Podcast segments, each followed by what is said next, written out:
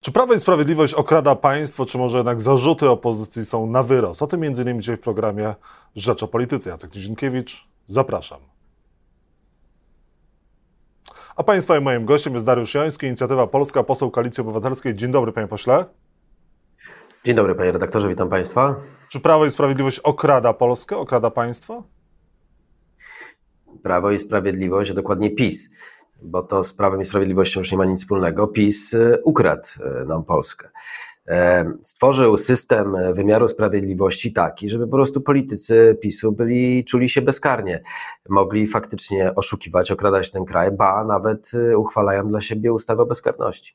Na czym ma polegać to okradanie według pana państwa przez Prawo no. i Sprawiedliwość? Jakiejkolwiek afery nie dotkniemy. Słynna nasza afera, od którą prowadzimy od początku, respiratorowa. No przecież miały wrócić pieniądze, nie wróciły pieniądze, ale wrócili ministrowie, którzy się tym zajmowali. Myślę tu o ministrze Cieszyńskim, który przecież awansował, a 50 milionów jak nie ma, tak e, nie było. Wie pan, miliard trzysta na wyrzucone w błoto na Ostrołękę bez poniesienia jakichkolwiek konsekwencji, to jest kolejny przykład. Y, wybory kopertowe. No przecież wnioski do prokuratury poszły, między innymi na najważniejsze osoby w, w państwie. Prokuratura nawet nie tej sprawie y, nic nie zrobiła. W przypadku Pegasusa, prokuratura jedyna na świecie, chyba nie wszczęła w ogóle postępowania nawet, bo nie chce tego sprawdzić. No ma, mamy oczywiście jeszcze maseczkową z testami afery, mamy w końcu Narodowe Centrum Badań i Rozwoju. No właśnie, o co chodzi w, w, tej sprawie Narodowego Centrum Badań e, i Rozwoju, gdzie politycy Partii Republikańskiej, czyli ugrupowania koalicyjnego w rządzie Prawa i Sprawiedliwości, mogą być e, zamieszani i na ile ta sytuacja jest poważna?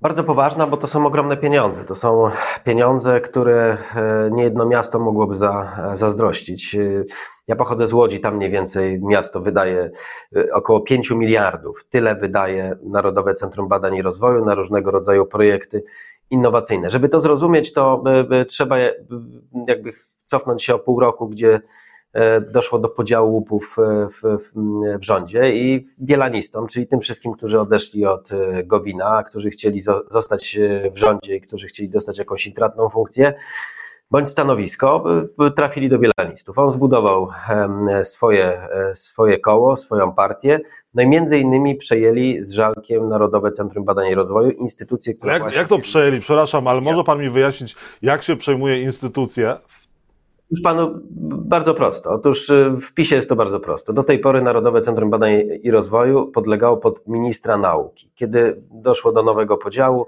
przeniesiono NCBR pod Ministerstwo Funduszu, a wiceministrem odpowiedzialnym za NCBR został pan Żalek. I tym sposobem mogli wyrzucić dyrektora, który był wyłoniony w można powiedzieć, w długim konkursie. Po 20 dniach został wyrzucony i został wstawiony człowiek, który, do którego pan Bielan ma ogromne zaufanie i został pełniącym obowiązki, no a później już y, te zmiany personalne poszły bardzo szybko i to pozwoliło im do tego, żeby ogłaszać y, konkursy, między innymi konkurs notabene Szybka Ścieżka, na którą e, przeznaczono ponad 600 milionów, a w trakcie jeszcze dorzucono kolejne 160 na prawie 800 milionów.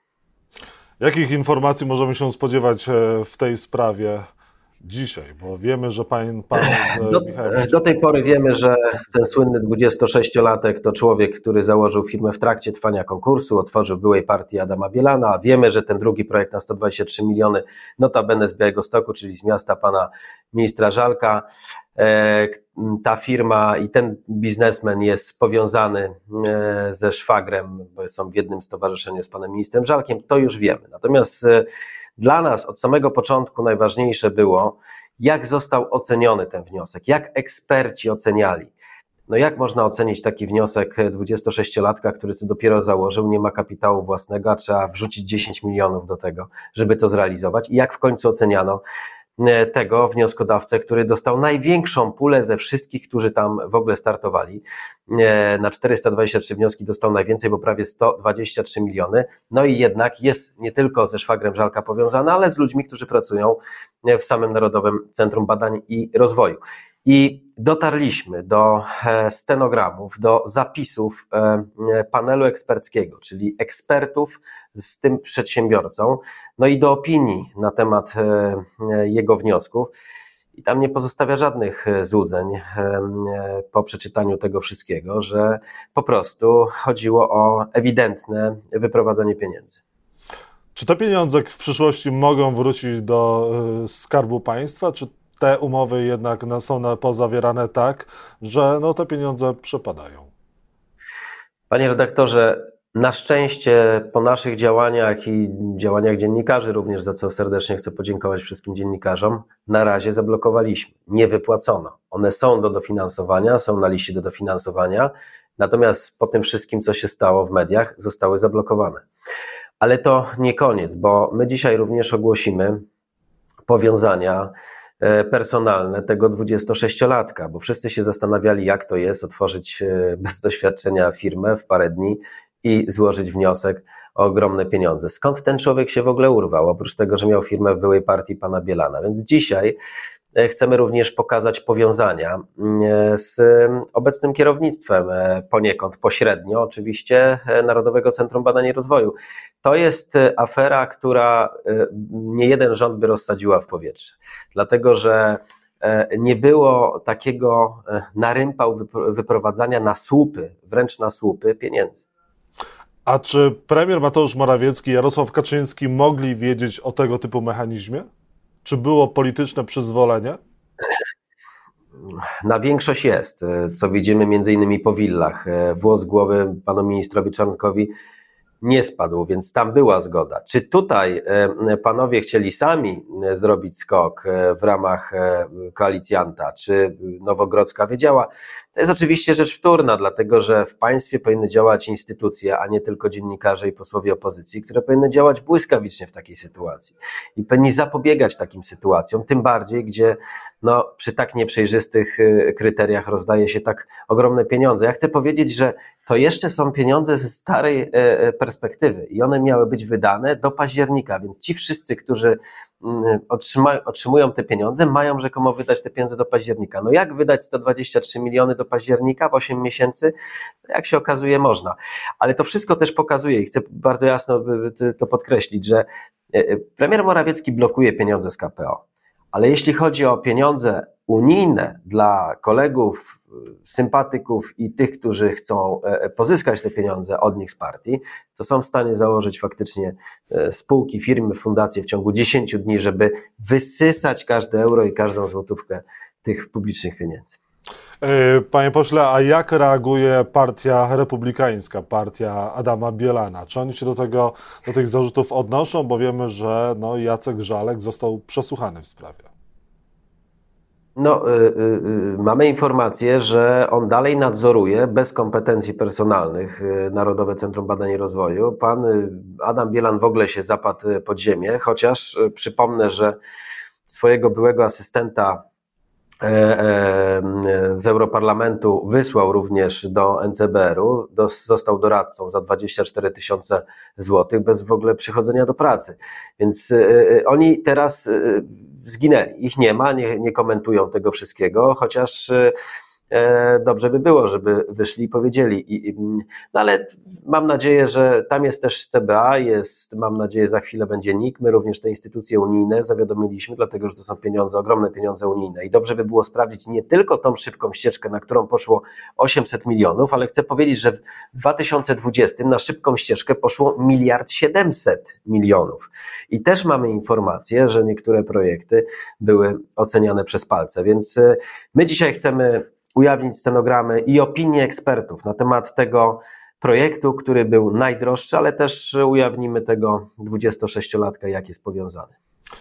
A pan nie ma takiego po, poczucia, że te wszystkie sprawy, które wy ujawniacie, tak naprawdę już Polaków za przeproszeniem nie ruszają i oni są impregnowani na kolejne afery, kolejne informacje. Po prostu mają y, niektórzy wyborcy, albo może nawet większość z nich, poczucie, że wszyscy politycy kradną, ale PiS to przynajmniej siedzieli.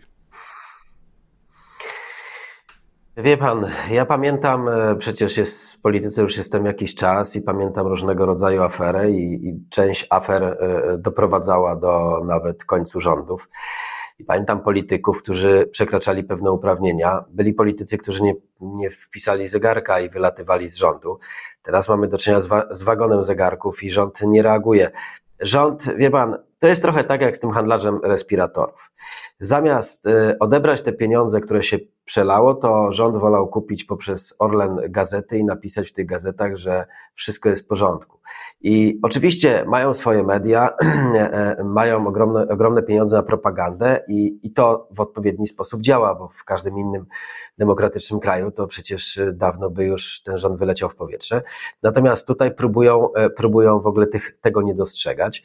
Natomiast wie pan, gdybyśmy tego nie pokazywali, być może dzisiaj PiS by miał 45%. E, to jest nasza rola. Jeśli nie ma instytucji w państwie, które to robią, no to muszą to robić dziennikarze i opozycja i pokazywać, jak wypływają ogromnymi strumieniami, jak są wyprowadzane, jak, przepomp jak przepompowują też publiczne pieniądze do swoich prywatnych kieszeni.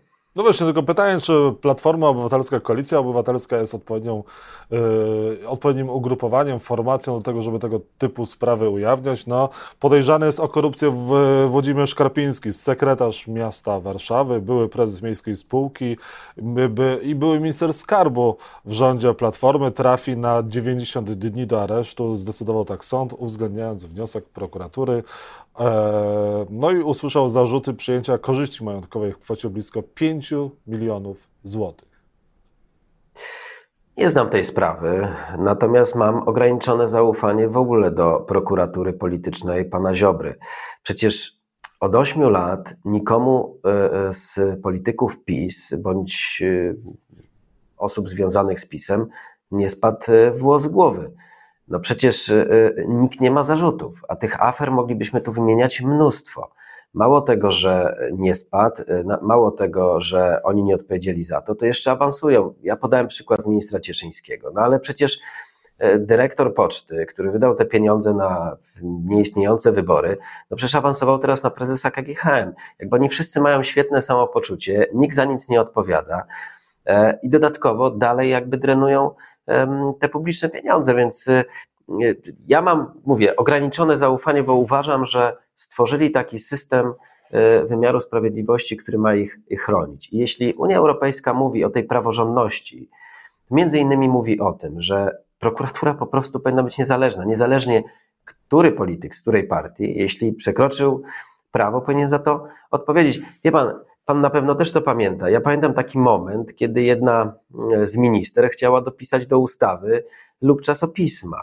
I wtedy była komisja śledcza, ta minister była skazana, a e, formacja później nie odzyskała już władzy do dzisiaj, więc... Była to formacja, w której pan, w której pan był kiedyś członkiem SLD. Tak, zgadza się, zgadza się. A dzisiaj się wpisuje do ustawy covidowej bezkarność urzędników, bo wiedzą, co zrobili i nic jakby, nikt za nic nie odpowiada. Jakby wszyscy udają, że, że, jest, że jest w porządku i to jest chyba takie najgorsze, co się, co się mogło wydarzyć, bo nikt by nawet kiedyś nie wpadł na takie pomysły, żeby wpisywać bezkarność. A może pan jednak przesadza z tym upolitycznieniem prokuratury, która dzisiaj e, zajmie, e, ogłosiła, że zajmie się mailami e, Dworczyka, czyli jednak środowiskiem obozu władzy?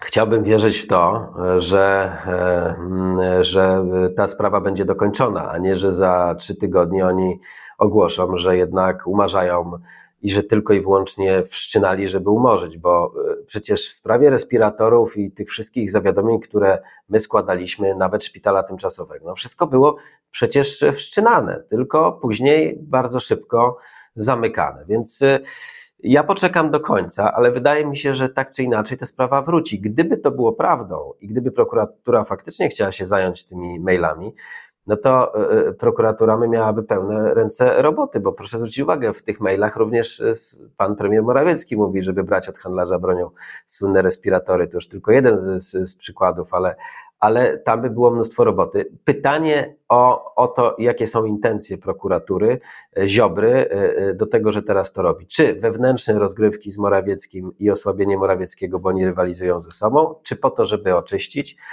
bo mm, e, nie wierzę w to, że prokuratura nagle e, chce mm, e, rozliczać kogokolwiek. Są jakieś, jest drugie dno i w najbliższym czasie się dowiemy. Przypomnijmy tylko, że Michał Dworczyk, mimo wcześniejszych zapowiedzi, w dalszym ciągu jest ministrem w kancelarii premiera Mateusza Morawieckiego. Dariusz Joński się nic nie zmieniło. Dariusz Joński, poseł Koalicji Obywatelskiej Inicjatywa Polska był Państwa i moim gościem. Bardzo dziękuję za rozmowę i dobrego dnia życzę. Dziękuję bardzo.